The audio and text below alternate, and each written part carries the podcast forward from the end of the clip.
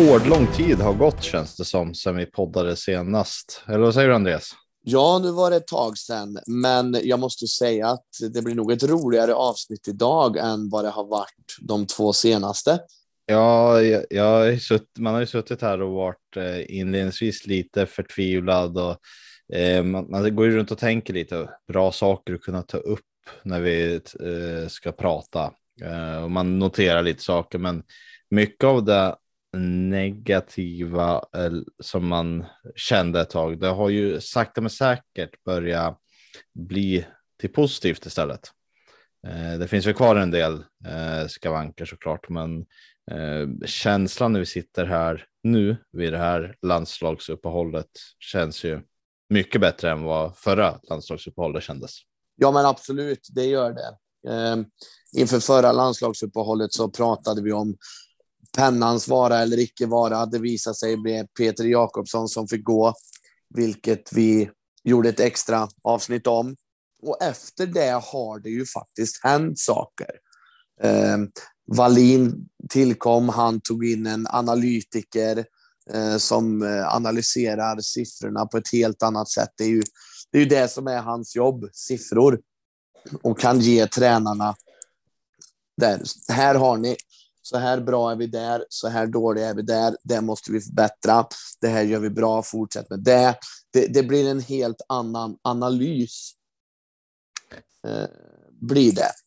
What? Och vi har ju faktiskt börjat vunnit matcher och det. Nu har vi tre raka, någonting som inte har hänt på väldigt länge, så det här uppehållet blir ju väldigt mycket trevligare än det förra. Ja, verkligen. Eh, vi har ju sen eh, senaste breaket så tror jag med minns rätt att vi är, om man tittar på snittpoängen där så är, är vi på fjärde plats om vi tar isolerat från break till break så att säga. Eh, ja, det, det känns, ju, känns ju bra mycket bättre. Ja, men det gör det. Eh, men eh, så, så i, i, i, stora drag så har vi faktiskt eh, vunnit som sagt tre, de tre senaste tre poängare. Eh, innan dess, det började ju eh, efter breaket med en förlust annars mot Malmö, där vi ändå var en match vi hade. Vi gick över mot eh, Rögle och Luleå där vi förlorade båda på eh, övertid eller straffar. Eller vann båda på övertid eller straffar. Och så vann vi ju en klar mot Timrå. Eh, sen blev det återigen en oavgjord match som vi tog på straffar straffar mot Växjö. Då. Eh, sen var det ju två motgångar, mm, Leksand borta och eh, Skellefteå hemma. Då. Ja, eh. och där blev man ju rädd att jaha, är vi tillbaka på ruta ett igen? För efter Skellefteå, det var samtal och det var dåligt och vi kan inte ha det så här. Det känns som att det här har man hört förut. Ska, vi, ska vi börja för. om på ruta ett? Ja. ja det, känd, det kändes lite så här. Jaha, Ska, ytterligare samtal. Vad sades nu som inte kunde sagts tidigare och så vidare.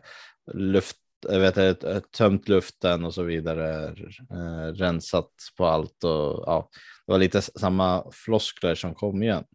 Eh, jag, jag tycker, ja, det fanns mycket att vi tappade igenom och vi föll igenom framförallt mot Skellefteå sista perioden.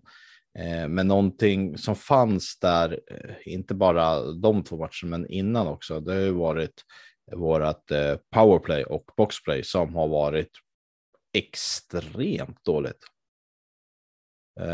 Man tittar på siffrorna så, så det är, det är, vi var ju nere på siffror som liksom lag inte ens, det är, det är liksom onaturligt låga siffror som vi hade eh, Skellefteå-matchen och matcherna där innan. Det ja, det har väl egentligen väl, alltså, våra special teams har egentligen speglat hela säsongen. Det har varit för dåligt och det är ju en stor anledning till varför vi ligger där vi ligger. Det, det, det, det är ju som du säger, det har varit onaturligt dåliga siffror och det har ju straffat oss. Och sen fick vi ju faktiskt ordning vi, mot Oskarshamn där och vi smällde dit 5-0 mot ett Oskarshamn som inte alls är något dåligt lag längre. Utan det måste Nej, det var, mittenlag. Det var nog första gången Oskarshamn var storfavoriter egentligen mot Färjestad, för vi åker ju dit med tre kedjor och massa juniorer. Och, nej, det var en eh, riktig håll käften-seger. Det var, det, det var liksom vilja slår klass. Och där tycker jag att någonting ändå såddes, någonting börjades där. För jag, en sak, det, dels så var det att ja, nu var de tvungna eh, att visa framfötterna de bra, rutinerade, etablerade spelarna som faktiskt kunde ställas på benen. Eh, och de blev matchade mycket hårdare också. Eh, och det är någonting jag tycker jag har sett de senaste matcherna, någonting jag har suttit och känt efter att jag skulle vilja se mera. Hårdare matchning på de bra spelarna för dagen. Och efter de här matcherna tycker jag mot Brynäs och mot Leksand som vi vann att det har varit bättre matchning. Man har fler spelare har fått i princip bänkas eller i alla fall få dra ner på speltid för att spela de heta spelarna mycket mer. Och det har, tycker jag känns som att det har gett resultat. Ja, men det har du ju, för vi har ju ändå tre raka trepoängare, så någonting rätt har vi ju gjort um, sen Oskarshamnsmatchen. Och så... det, jag tycker de gör helt rätt att uh, spela de som är heta och är du inte där för dagen, nej, men då får du sitta. Ja, nej, och det, det andra var ju powerplayet och uh, boxplayet som också har blivit mycket bättre de där tre sista. I powerplayet så helt plötsligt på de sista tre matcherna, då är vi ju tredje plats. I, nu är det väldigt litet eh, sample, så tre matcher. Det, men alltså att vi ändå från att inte ha gjort ett enda mål på hur många matcher som helst i princip. Eh, så har vi gjort fyra på tre matcher. Så det känns som ett eh, viktigt trendbrott och eh, ska vi vara ärliga mot Leksand så var vi, hade vi faktiskt inte den bästa första perioden och inte andra heller, men framförallt första var inte alls så bra. Men den här gången hade vi faktiskt ett powerplay och boxplay. Och det var ju det som blev tunga på vågen, det som gjorde att vi tog tre poäng. Hade det powerplay och boxplayet som vi haft tidigare funnits den matchen, nej, då hade vi väl fått stryk den troligtvis med 1-3, 1-4 eller någonting. Ja, men det tror jag. Eh, sen är det ju så här att eh, nu har vi en första målvakt som faktiskt presterar på en hög nivå. Det har han inte gjort innan. Nej, han har ju faktiskt eh, både spelat bra mycket mer stabilare och gjort några eh, bra räddningar också. Eh, mer och mer, sakta men säkert. Samtidigt, nu, nu, är det lite mer så som man hade hoppats och önskat och samtidigt som jag känner att skulle eh, Furs inte kunna stå en match så känner jag mig inte i, i, mer orolig för att man kastar in Haukeland istället. Så det känns stabilt och bra. Eh, det, det, hade ju kunnat känns lite jobbigare om vi hade haft eh, Jesper Eliasson kvar. Precis som vi varit inne om tidigare, han, har, han fick aldrig riktigt chansen, men han blev ju då utlånad till eh, Almtuna i Hockeyallsvenskan, men fick ju sen inte vara kvar där. De bröt ju med honom, så nu är han ju utlånad till Väsby i Hockeyettan. Um, jättetråkig utveckling för honom, men det är väl lite av ett bevis också på att han kanske inte hade hållit som om ens andra målvakt, an, andra målis i laget. Väldigt osäkert ja. kort. Nej, men så är det ju. Det, det är ju återigen en, en konstig rekrytering eh, på målvaktssidan. Det har ju varit några tveksamma eh, målvaktsvärvningar genom åren och det är ju masken som håller i dem. Har du fullt förtroende för masken?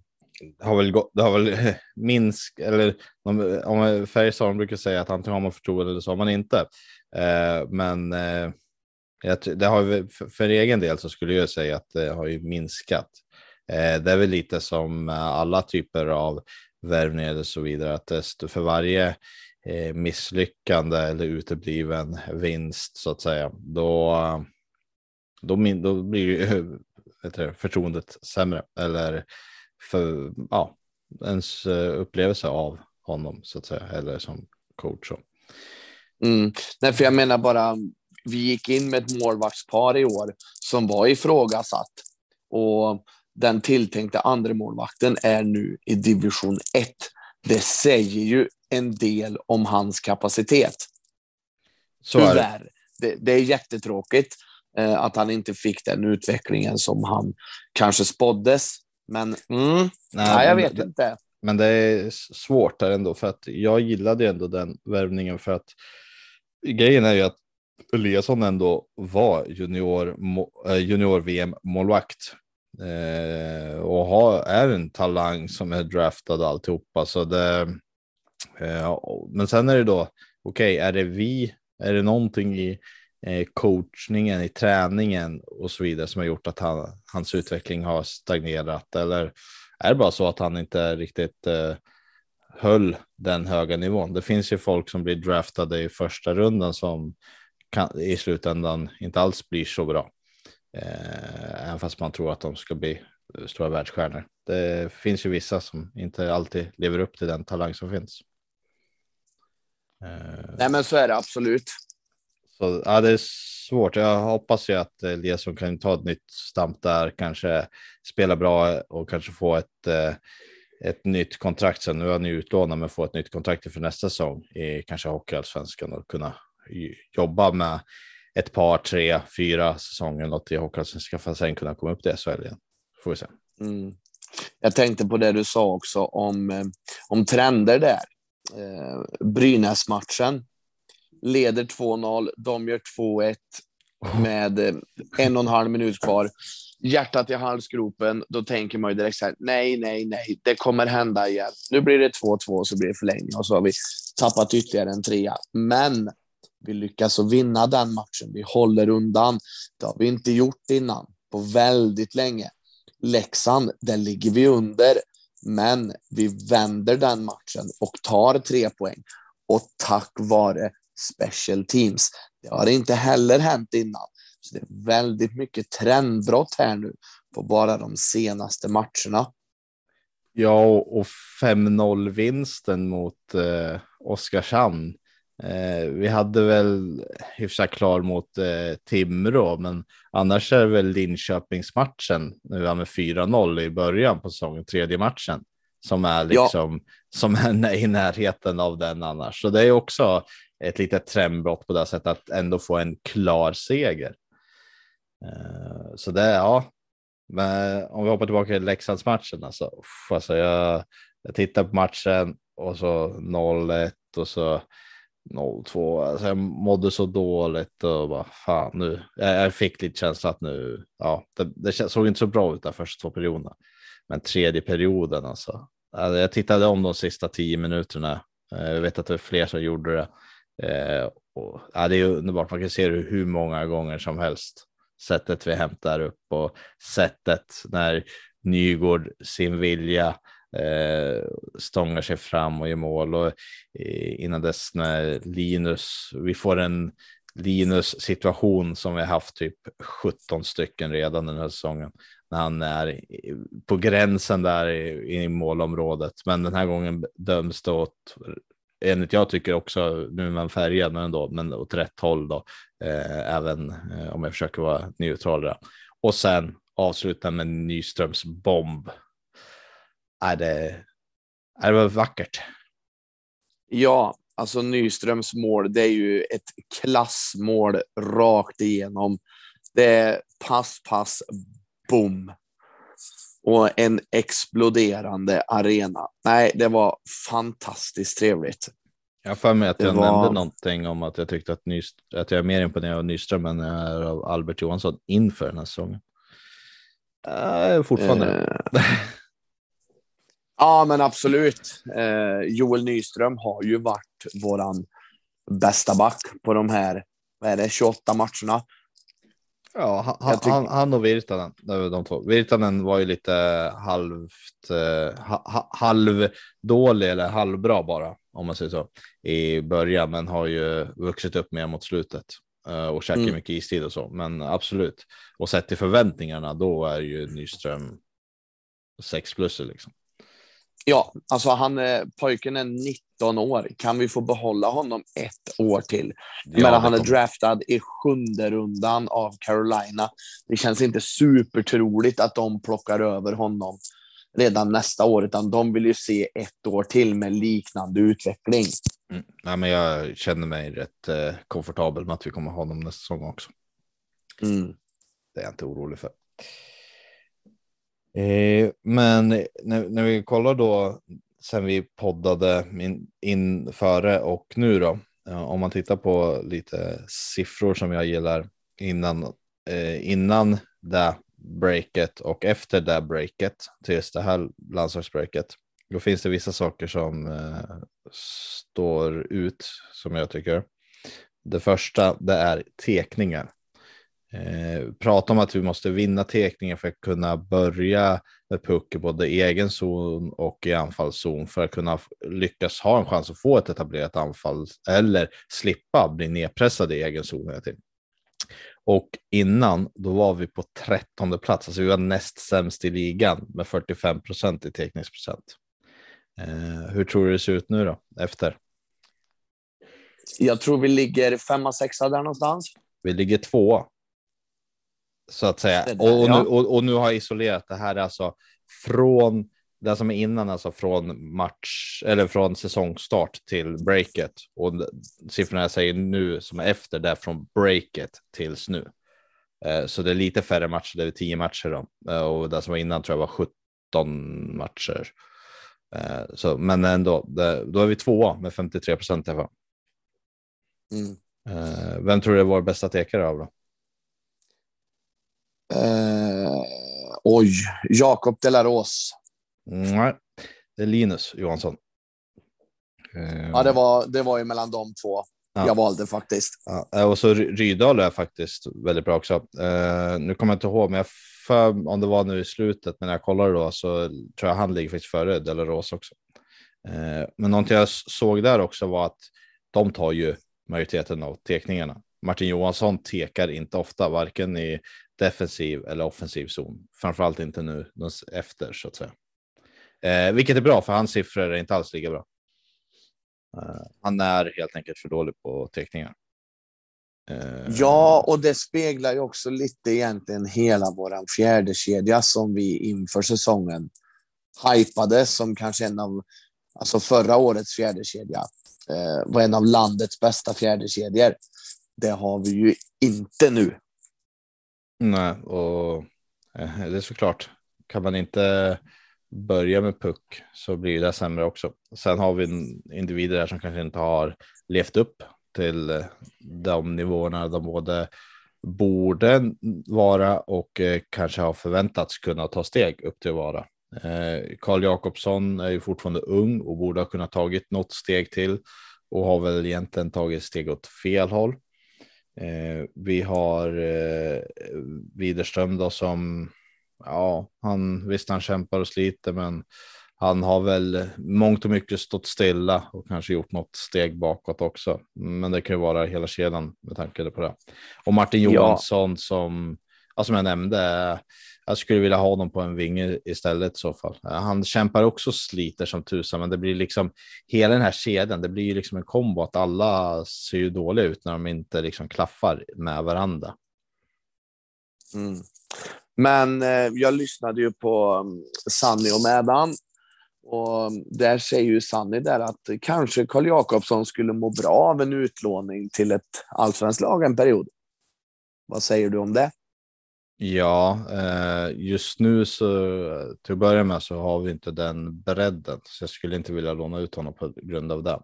Eh, för det räcker med att vi har alltså, skador, någon skada till. Just nu har vi Linkan borta på forwardsidan, men en skada till och så behöver vi ju gubbar så blir det någon som är sjuk. Alltså, vi behöver ha honom som en spelare, men Eh, om man har lyssnat också därifrån så har man ju ändå hört, det finns ju Patrik Lund då, som varit lite på tapeten. eh, som har ju då sin eh, sambo fru då som värmlänning. Eh, och eh, där alltså skulle man kunna få in eh, honom som en fjärde center till exempel och kunna flytta ut Martin på kanten och Widerström på andra kanten så får Jakobsson vara extra. Och sen kom, som sagt, kommer det vara skador och så vidare. Jag, jag, jag ser snarare att vi behöver eh, förstärka som det. Eh, även om Jakobsson, ja, han skulle må bra av att eh, gå ner till allsvenskan och spela lite, till exempel nästa säsong. Men där vi är i dagsläget ser jag ändå att vi behöver den kroppen. Ja, men det du säger där med Peppe Lund, alltså sjukt eh, intressant där. Han har familjen i Karlstad. Han är inte jättegammal, men han är heller inte purung. Det skulle ju vara en extremt bra kropp att få in. För vad jag fattade som så vantrivs han i Tyskland.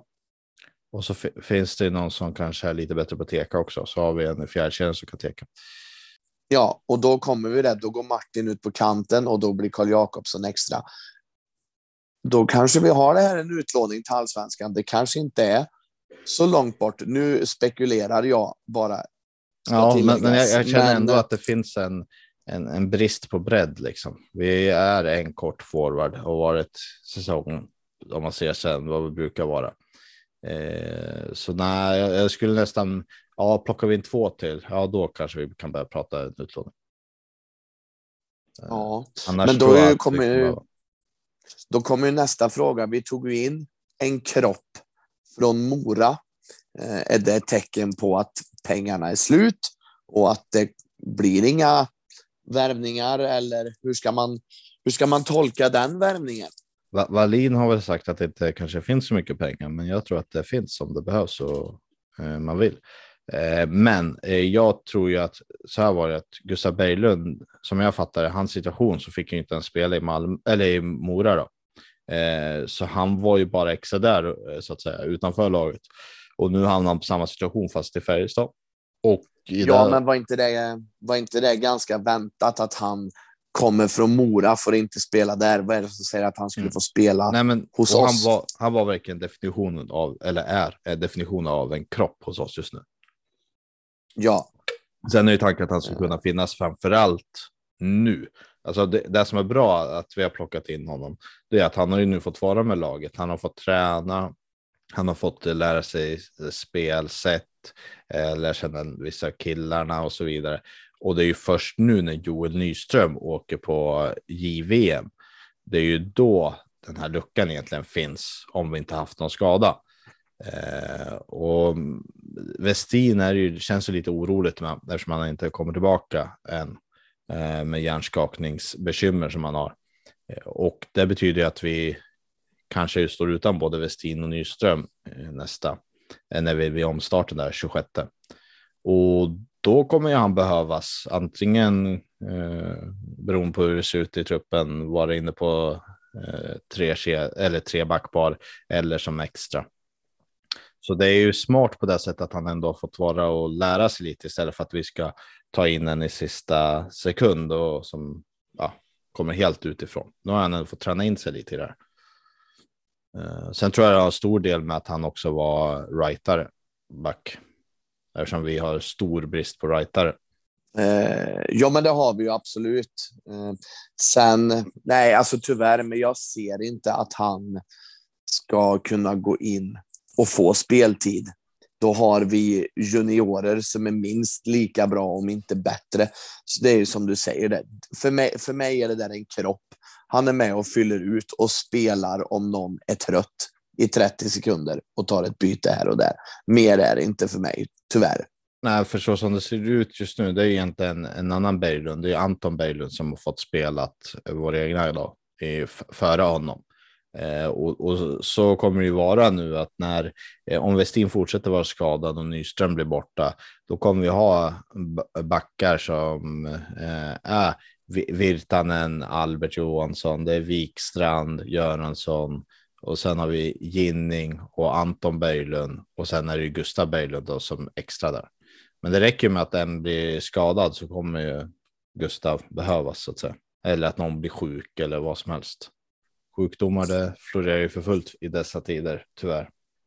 Ja, det gör ju det. Och jag vet ju också att vi har varit oerhört hårt drabbade av just sjukdom. Det har ju slitit väldigt ont på dem eh, senaste veckorna, för det har varit mycket nej men, förkylningar, feber, någon magsjuk. Det, sånt sliter hårt på en. Mm. Och, ja. och om, om Sverige skulle gå långt i JVM, då har väl inte vi tillbaka Joel Nyström förrän kanske 15 januari, 20 januari. Jag tror att i worst case att det är cirka fem matcher vi kanske tappar honom. Och i ja. bästa fall beror på vems ögon man ska om vi ska ge Sverige ögonen eller eh, Färjestad ögonen. Men eh, jag tror det är någonstans mellan tre och fem matcher beroende på hur det går för Sverige. Eh, men vi vill ju att Sverige ska gå runt långt också och att Nyström ska bli poängkung där. Ja, men alltså för en junior är ju det största som händer om, så jag unnar verkligen Joel Nyström den platsen. Mm. Eh, jag tänkte vidare med eh, statistik då som har dykt upp eh, sen senast. Då är en annan sak som jag tycker står ut och det är egentligen eh, en offensiv grej och det är ju skott i eh, skottsektorn som vi har haft. Då låg vi på sjunde plats innan och nu efteråt är vi etta. Det, det vill säga ja. Eh, ja, skott i skottsektorn framför målet. Det är där många mål görs och det är där man vill ha många skott och där är vi bäst just nu med flest antal avslut. Och sen har vi samma sätt kan man se i defensivt då. Eh, kollar vi innan och efter så ligger vi ganska liknande. Vi låg 8-9 någonstans i mitten. Men om man då däremot ser mer isolerat till de tio senaste. Eh, nej, tio senaste, men lite kortare. Inte tio senaste, men om det var fem senaste något, då är vi helt plötsligt tvåa. Eh, och det är ja. alltså att det betyder att vi har fått väldigt, vi har stängt ute och inte låtit motståndarna stå framför vårt egna mål och göra avslut på samma sätt som man gjorde innan. Så det är en positiv trend också. Och sist skulle jag vilja nämna vårt kära Corsin.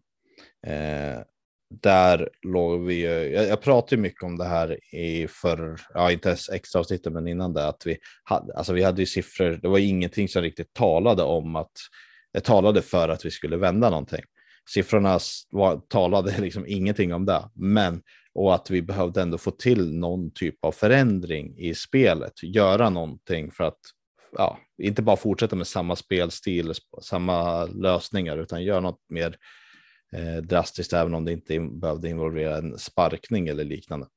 Eh, och innan låg vi 10 med 47 procent och nu efteråt 4 med 53 procent. Uh, nej, men det är ju som du säger där. Corsin har ju sett bättre ut. Spelet har sett bättre ut. Det, det, är mycket positivt som händer nu och jag skulle bli väldigt förvånad med den här statistiken som egentligen är ditt område Adam. Om vi skulle ligga nia när, eh, när vi summerar den här säsongen. Jag tror att vi börjar klättra nu.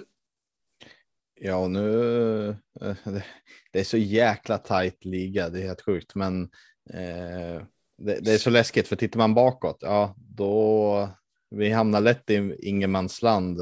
Vi är bara sju poäng för eh, Brynäs och så helt plötsligt ligger man utanför ens att komma till åttondel. Eller så kollar vi sju poäng upp, ja, men då ligger vi fyra eh, precis vid Luleå. Så det är, det är tajt.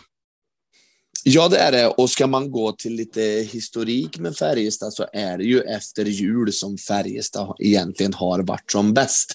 Så vi får väl tro på historien här och hoppas att eh, vi är riktigt bra nu efter jul och bara kör på. Mm.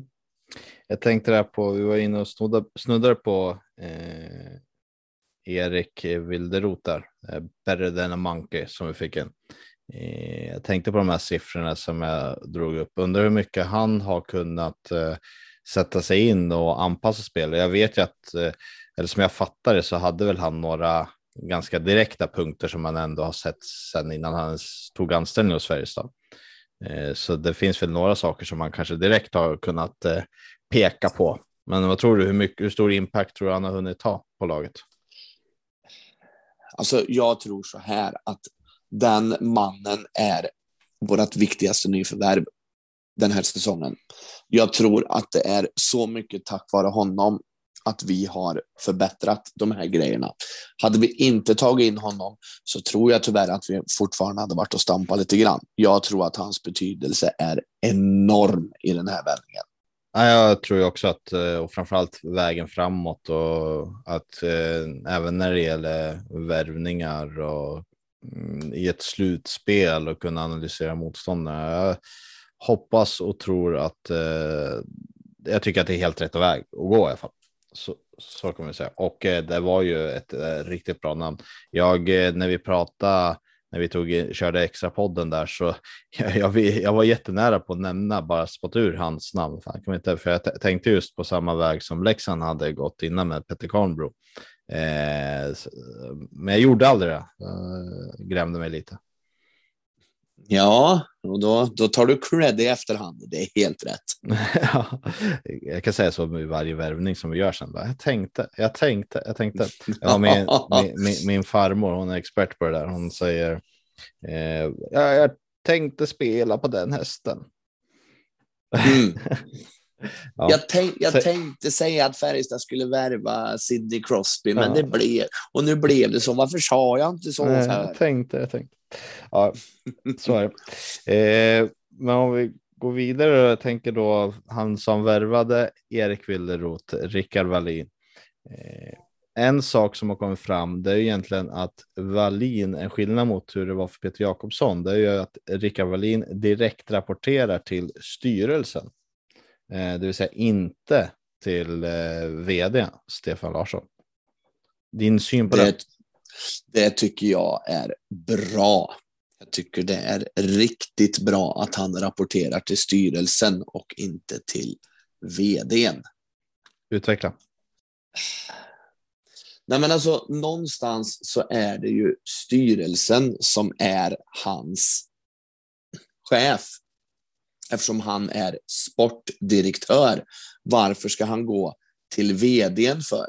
Det är ju bättre att han går till styrelsen och det här var ju eftersom han själv satt i styrelsen. För nu ger ju han styrelsen full inblick i vad som händer. Han ser alltså till att vår styrelse blir mer insatt i det sportsliga än vad de har varit innan. För Peter Jakobsson rapporterade till Stefan Larsson. Då kanske inte Stefan Larsson lägger alla kort på bordet. Vad vet jag? Som sagt, återigen bara spekulerar jag. Men jag tycker det är helt rätt att han rapporterar till styrelsen så att de får en större inblick i vad som händer och inte händer.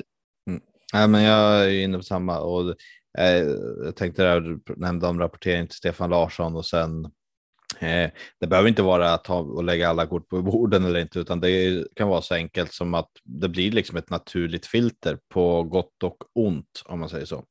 Eh, det är klart som tusan han inte både kan eller hinner eller kommer ihåg och så vidare och säga allt. Det är klart viktiga grejer måste ju sägas, men han kan inte berätta allt, allt, allt hela tiden. Eh, det finns ändå en verklighet där man har saker att göra också. Eh, men jag, jag gillar ju det här att eh, det blir ju ett mycket tydligare och större fokus på eh, sportverksamheten i och med detta. Eh, det blir en vd som kanske då mer får ta det kommersiella.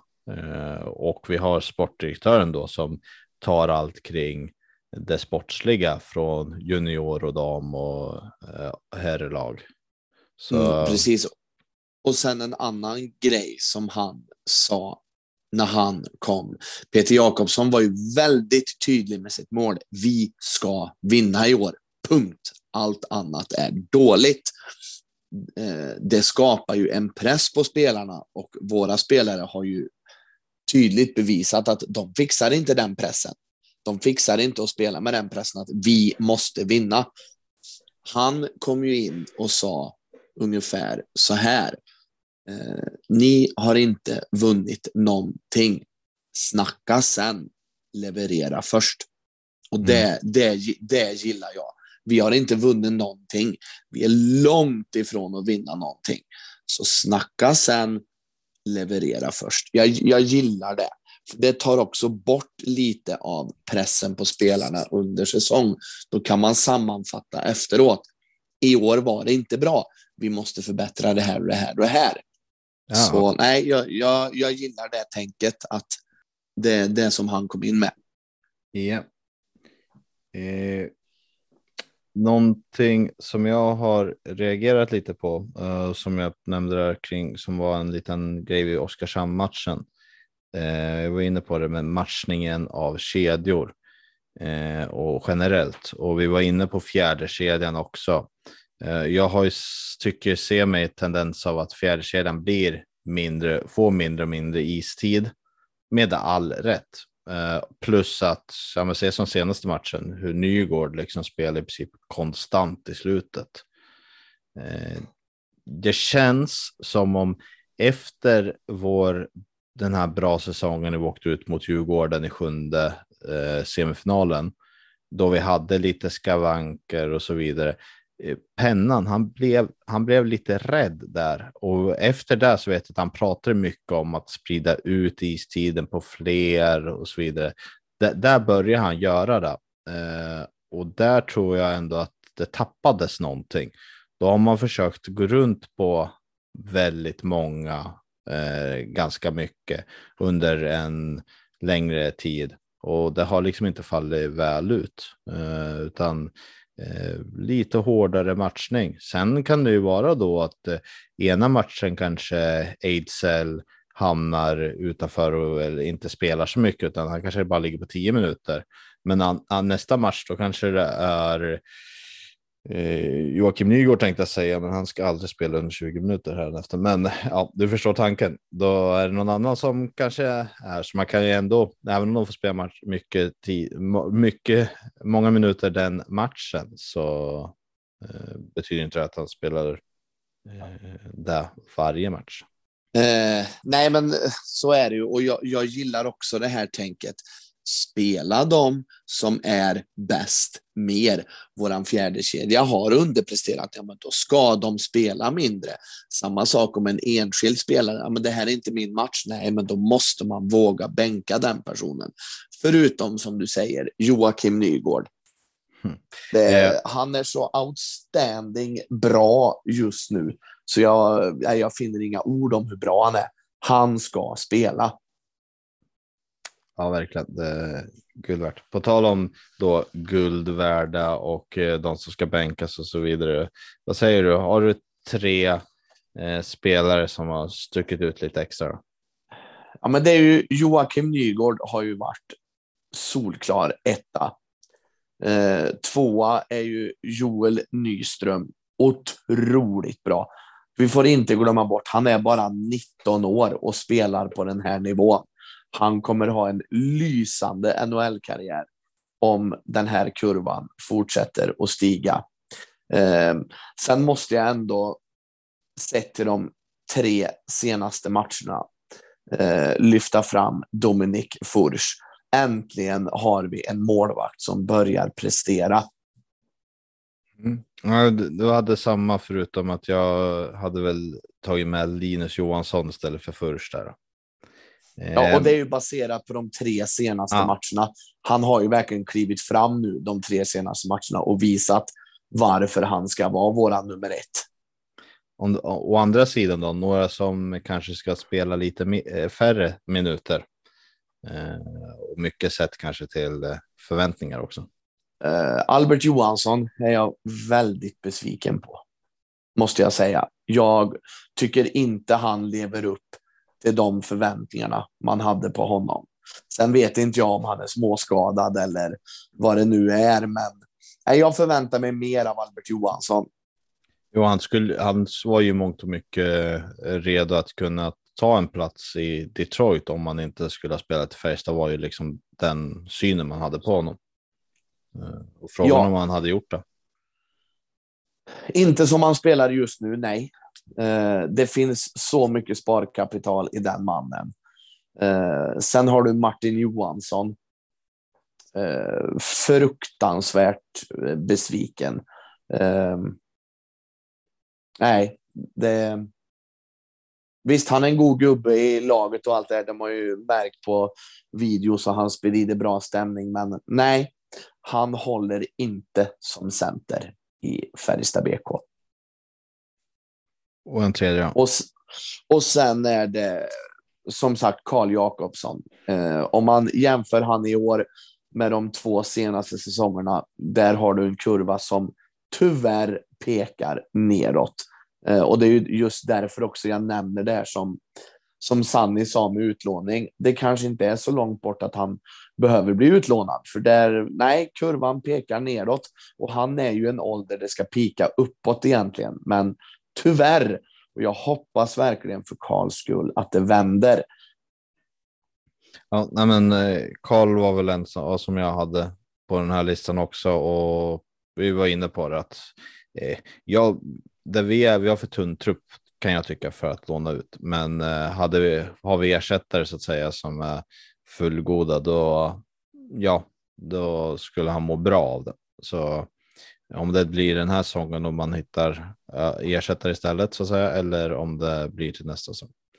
Eh, sen har jag, och det här är egentligen mest till sett till förväntningar, för det, och då har jag Victor Ejdsell eh, som inte riktigt har hittat rätt kan jag tycka.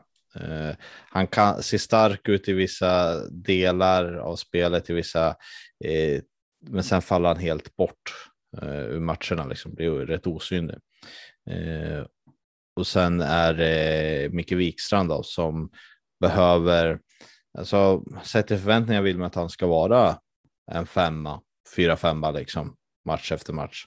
Men han ligger ju snarare där runt en trea Eh, och ibland är det på två liksom. Så han, han, behöver ju steppa upp lite mer också i sitt spel.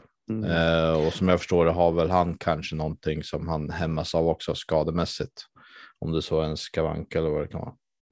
Men det, då har han ju också gått ut med och sagt att han har ju spelat småskadad. Så där finns det också ett sparkapital.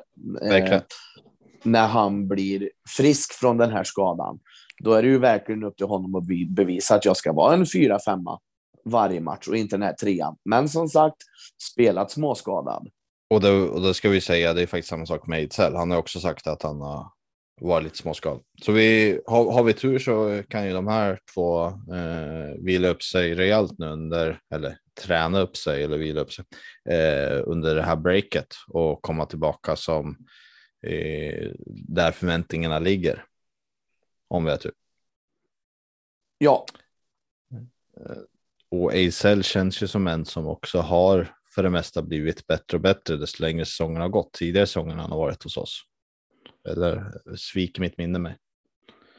Nej, alltså det, när han blev kapten i fjol, då blev ju han vår bästa spelare, mer eller mindre. Eh, så det, och det blev ju i slutet på säsongen. Så det, vi har ju enormt mycket sparkapital i den här truppen som inte har visat vad de kan än. Och det är därför jag hoppas att de gör en klassisk Färjestad och är riktigt bra efter jul. Gasar igång det här ordentligt och sen får man se hur långt det tar oss. Vi har ju eh, blivit bättre i powerplayet. Har du någonting du känner så här som eh, vad ser, ser du någon skillnad eller har vi haft lite medstuds eller vad skulle du säga? Ja, men jag tror också det är just när våran kära analytiker kom in, att han gick in och tryckte på de här. Det här är dåligt, det här är dåligt, det här är bra, förbättra det här. Vi har ju förbättrat det. Vi har ändå gjort hyfsat bra och nu har vi börjat göra mål. Jag ser också en skillnad på Lillis. Han börjar ändå med de här snurra runt och svår att ta pucken av och passningarna börjar sitta lite grann. Han har gått ifrån de här flippmackorna, gör de enkla passningarna, styr spelet på ett annat sätt utan de här flippmackorna som låste sig totalt. Så det, mm jag, jag tycker en bättre rotation också i laget. Man, eh, det blir inte lika statiskt som det var.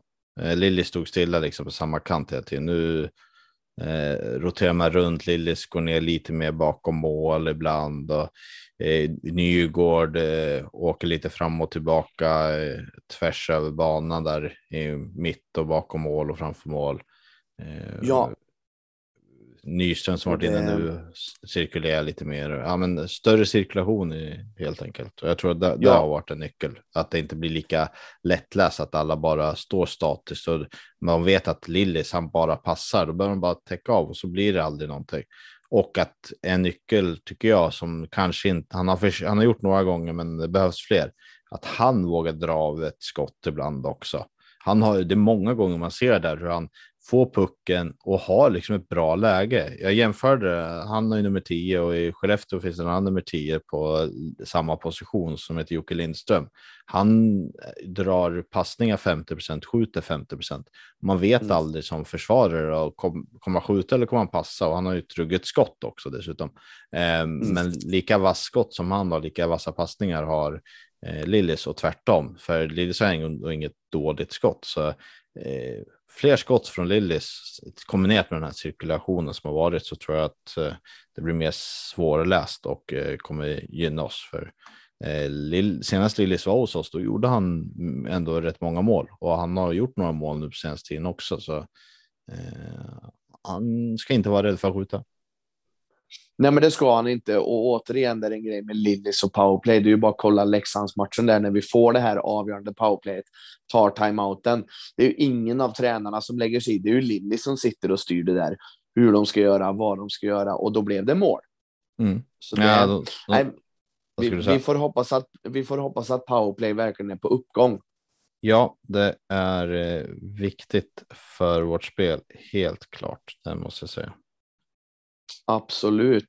Men du Adam, innan vi önskar våra kära lyssnare en god jul och ett gott nytt år. Jag vill höra dig. ja, eh, men vi, så, så, roligt ska du väl inte få ha redan kan jag tycka. eh, nej, jag, jag, jag, tänkte ju eh, att vi hade ju faktiskt fått lite några frågor som har kommit in lite så här sporadiskt. Eh, jag vet en, kanske inte var direkt fråga till oss, eh, men det var ju en, en undran var ju egentligen var, hur kommer det sig att eh, Färjestad eh, anfaller bort från klacken i två av tre perioder? Och jag vet inte om du har koll på honom? Uh, ingen aning, men jag kan Nej. forska i den frågan. Nej, men jag har svaret. Alltså där ja. Aha. Nej, men, och, det, som jag förstår det så är det ju en gammal, att det har, liksom en, det har alltid varit så. Eh, att det var samma sak på Färjestad ishall och att man eh, har väl sett det snarare som att man har eh, klacken i ryggen så att säga. Eh, man ja. har dem hjälper till i ryggen. Det är väl så liksom eh, grundtanken från början eh, har varit helt enkelt.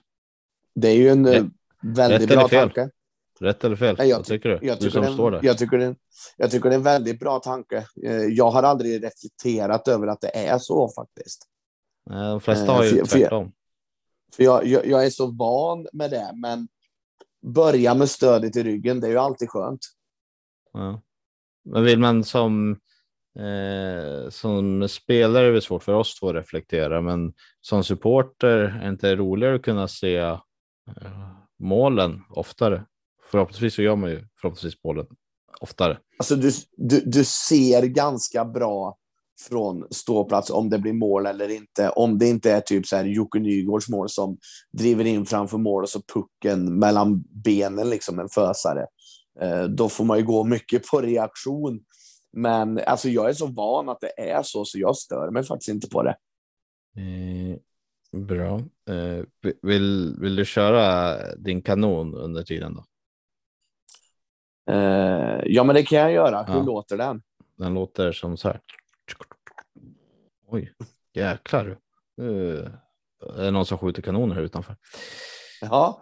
Eh, min kanon är nog den lättaste kanonen under säsongen hittills och det är Joel Nyström.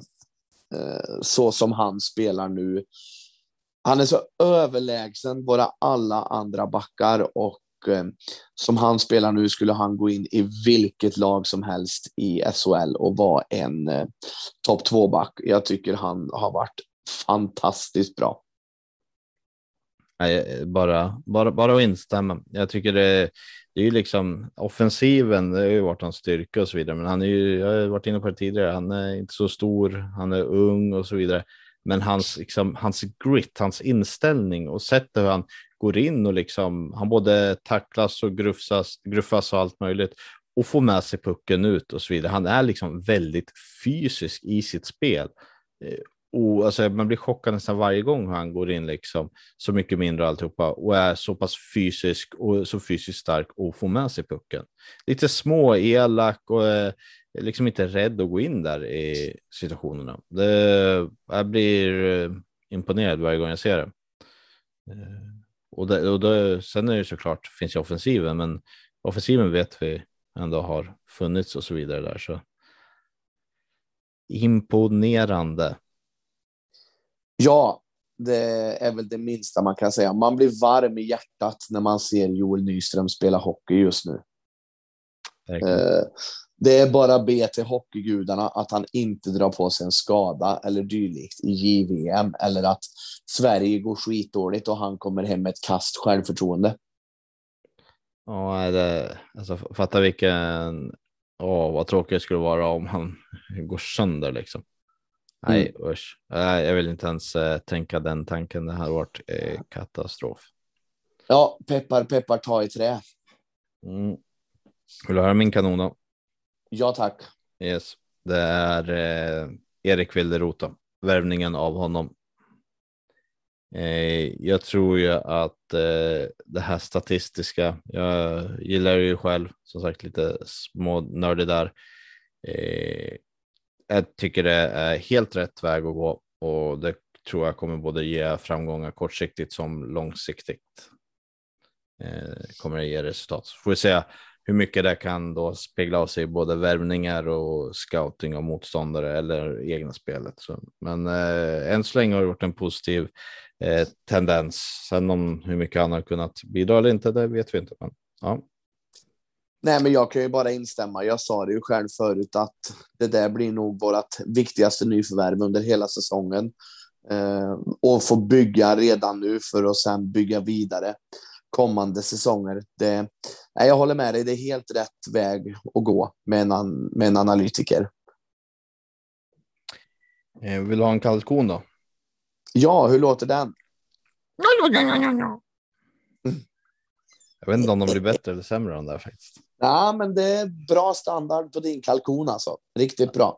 Ja. Så din kalkon är? Eh, det är, vi har varit inne på det, eh, fjärde kedjan. Eh, och delvis eh, någonting jag hade innan var ju lite det här matchningen av fjärde kedjan. Så det var liksom en kombination där att fjärdekedjan har inte varit så bra, men ändå så har pennan då stoppat in Eh, till exempel fjärdekedjan. Vi har ett tryck och så vidare och så stoppar ni in fjärdekedjan. Eh, dels kan det ha varit efter powerplay och då har det varit lite splittrade Eh, det har varit några spelare från alla kedjor och då har det enkla varit att stoppa in den här fjärde kedjan. Eh, men det har ju gjort att vi många gånger kan ha tappat det tryck vi hade. Och så har då den kedjan inte varit tillräckligt bra för att då bibehålla, utan det har varit, vi har tryck, vi kanske haft ett powerplay, haft tryck och så vidare. Och sen stoppar vi en fjärde kedja och så förloras allt tryck och så faller vi tillbaka. Eh, Jakobsson eh, har inte kommit upp i de förväntningar plus det lilla extra steg man kanske kunde ha förväntat att han kunde ha tagit. Martin Johansson har inte varit i nivå plus skulle må bättre av att vara på en kant kan jag tycka och har tyckt typ hela tiden. Eh, och eh, eh Widerström då som eh, ja, han kämpar och sliter men han kommer ju sällan upp till mer än tvåa, trea liksom. Mm.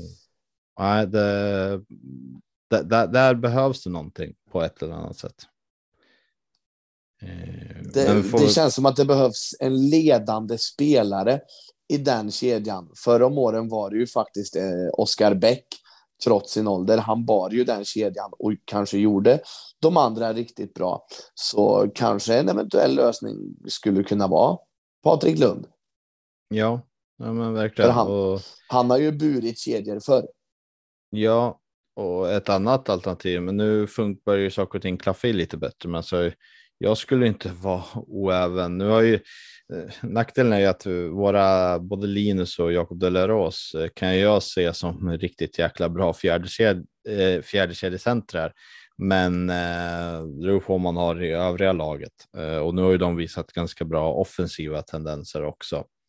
Eh, så det kanske känns lite fel i, i dagsläget. Men eh, ja, det, en fjärdekedja behöver ha lite, lite mer tyngd, lite mera. Man skulle vilja ha Linus sätt att hålla, ner, hålla fast pucken liksom. Eller Delaros tacklings och inställning liksom. Den, eh, inställningsmässigt är det ju inget fel på dem där, men de timingen finns inte där liksom. Nej. Som det gör i till exempel då eh, Delaros när han går fram och tacklar och liksom eh, vinner momentum av sina tacklingar. Mm. Ja, nej, Delaros tror jag kan bli en riktig nyckel här nu under, under vintern och våren. Det, där har du också en spelare som egentligen också pikar uppåt och bara blir bättre och bättre. Så det, det är bara att hoppas att det fortsätter så. Eh, vill du höra min kalkon? Mm. Shoot. Shoot. Eh, jag har pratat om det förr och jag blir inte klok på det här. Eh, hockey är det roligaste som finns att titta på live. Men när vi har så usla domare i Sverige som vi har just nu. Alltså det drar ner så mycket när man går på matcherna. Det är såna horribla utvisningar och då pratar jag åt båda håll, inte bara Färjestad. Det är så dåliga utvisningar de tar och de är konstiga och det känns som att de inte hänger med i tempot. Herregud, vi har heltidsanställda domare och ändå är de så dåliga. Det gör mig riktigt orolig. Hörru du nu, klanka inte ner på mina kompisar. Nej, jag vet att du var med dem i omklädningsrummet. Blev du något klokare? Jag blev ju faktiskt det. Eh, för, för, för, för dagen. kan man väl säga. Nej, men alltså, det, det, jag hängde med domaren. Det var ju Rögle-matchen. Jag var ju med dem både före, under och efter matchen. Ehm, och jag fick ju lyssna. Jag hade medhörning så jag kunde höra all kommunikation som skedde på isen. Eh, det var ju samma match där som den här situationen blev när eh, Linus Ölen var det som sa att nu är jag så jävla trött på dem, nu plockar jag ut dem eller något liknande. Eh, som blev lite eh, omtalad. Men jag och eh, svågern satt och lyssnade på det här. Vi, eh, vi reagerade inte så mycket på det faktiskt. Vi satt och hörde liksom tugget hela tiden. Eh, det var lite så här att när den blev tagen ur sin kontext. Det spelar ingen roll vad du har för något som blir tagen ur sin kontext så är det ju liksom svårt. Man kan prata om vad som helst och tar man bara bort det från att då kan det kännas jätteoff. Liksom vad fan säger?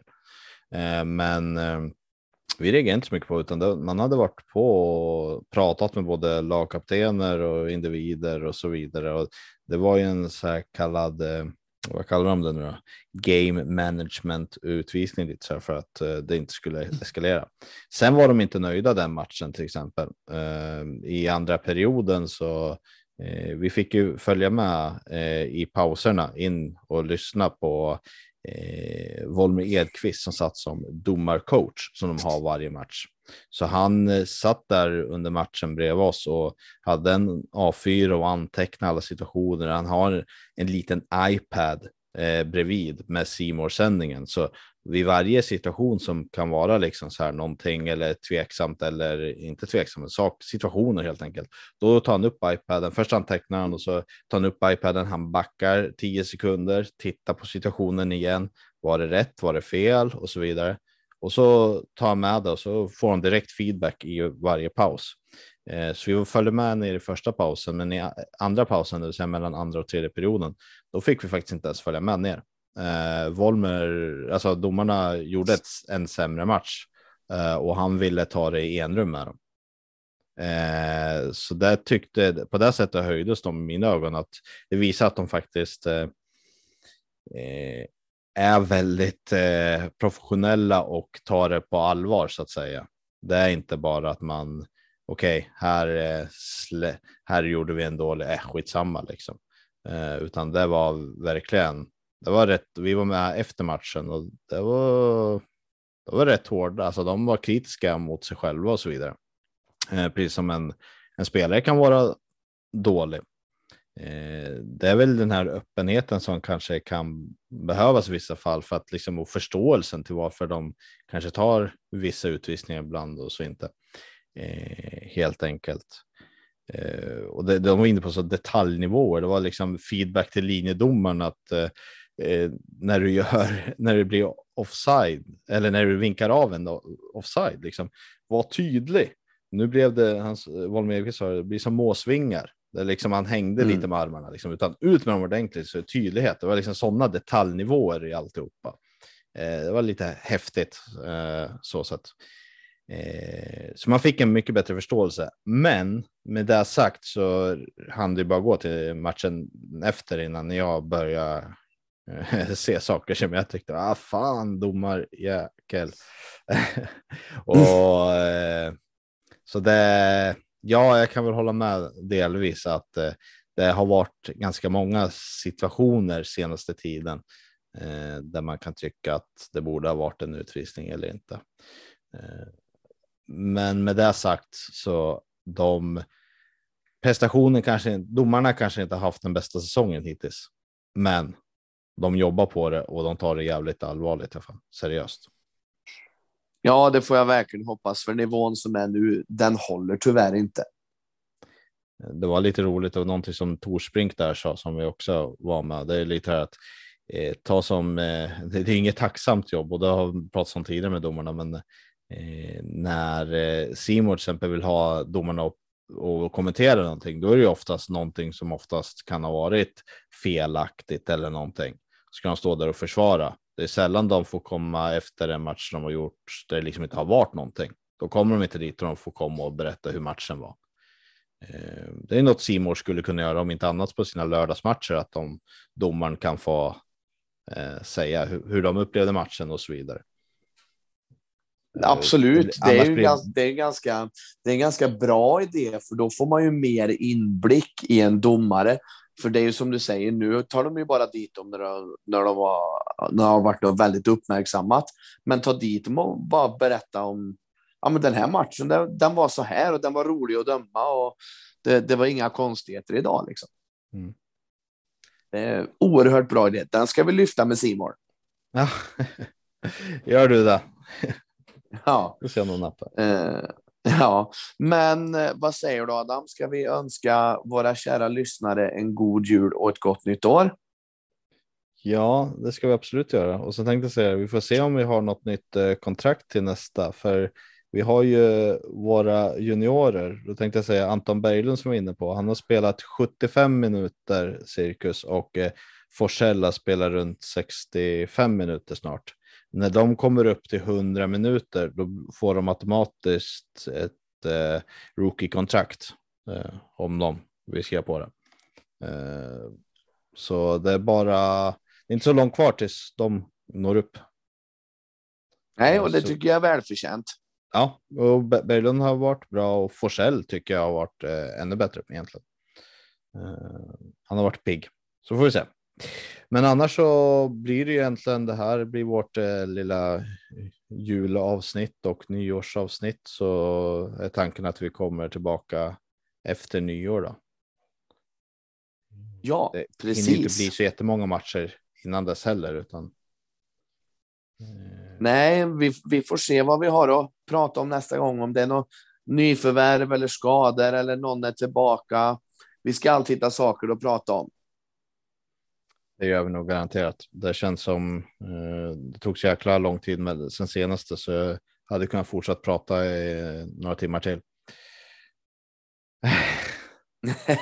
ja, det är samma här, men jag har inte så många procent kvar i datorn. Jag håller ju på och flyttar för fullt så eh, laddaren är nerpackad någonstans. Mm. Grattis. Tack. Ja, nej, men eh, alla som lyssnar får ha en riktigt god jul och ett gott nytt grönvitt år. Så hörs vi på Och detsamma till dig Adam. Tack så mycket Andreas och tack detsamma till dig då. Så får ni ha det så bra så hörs vi. Hej ha det bra. Då.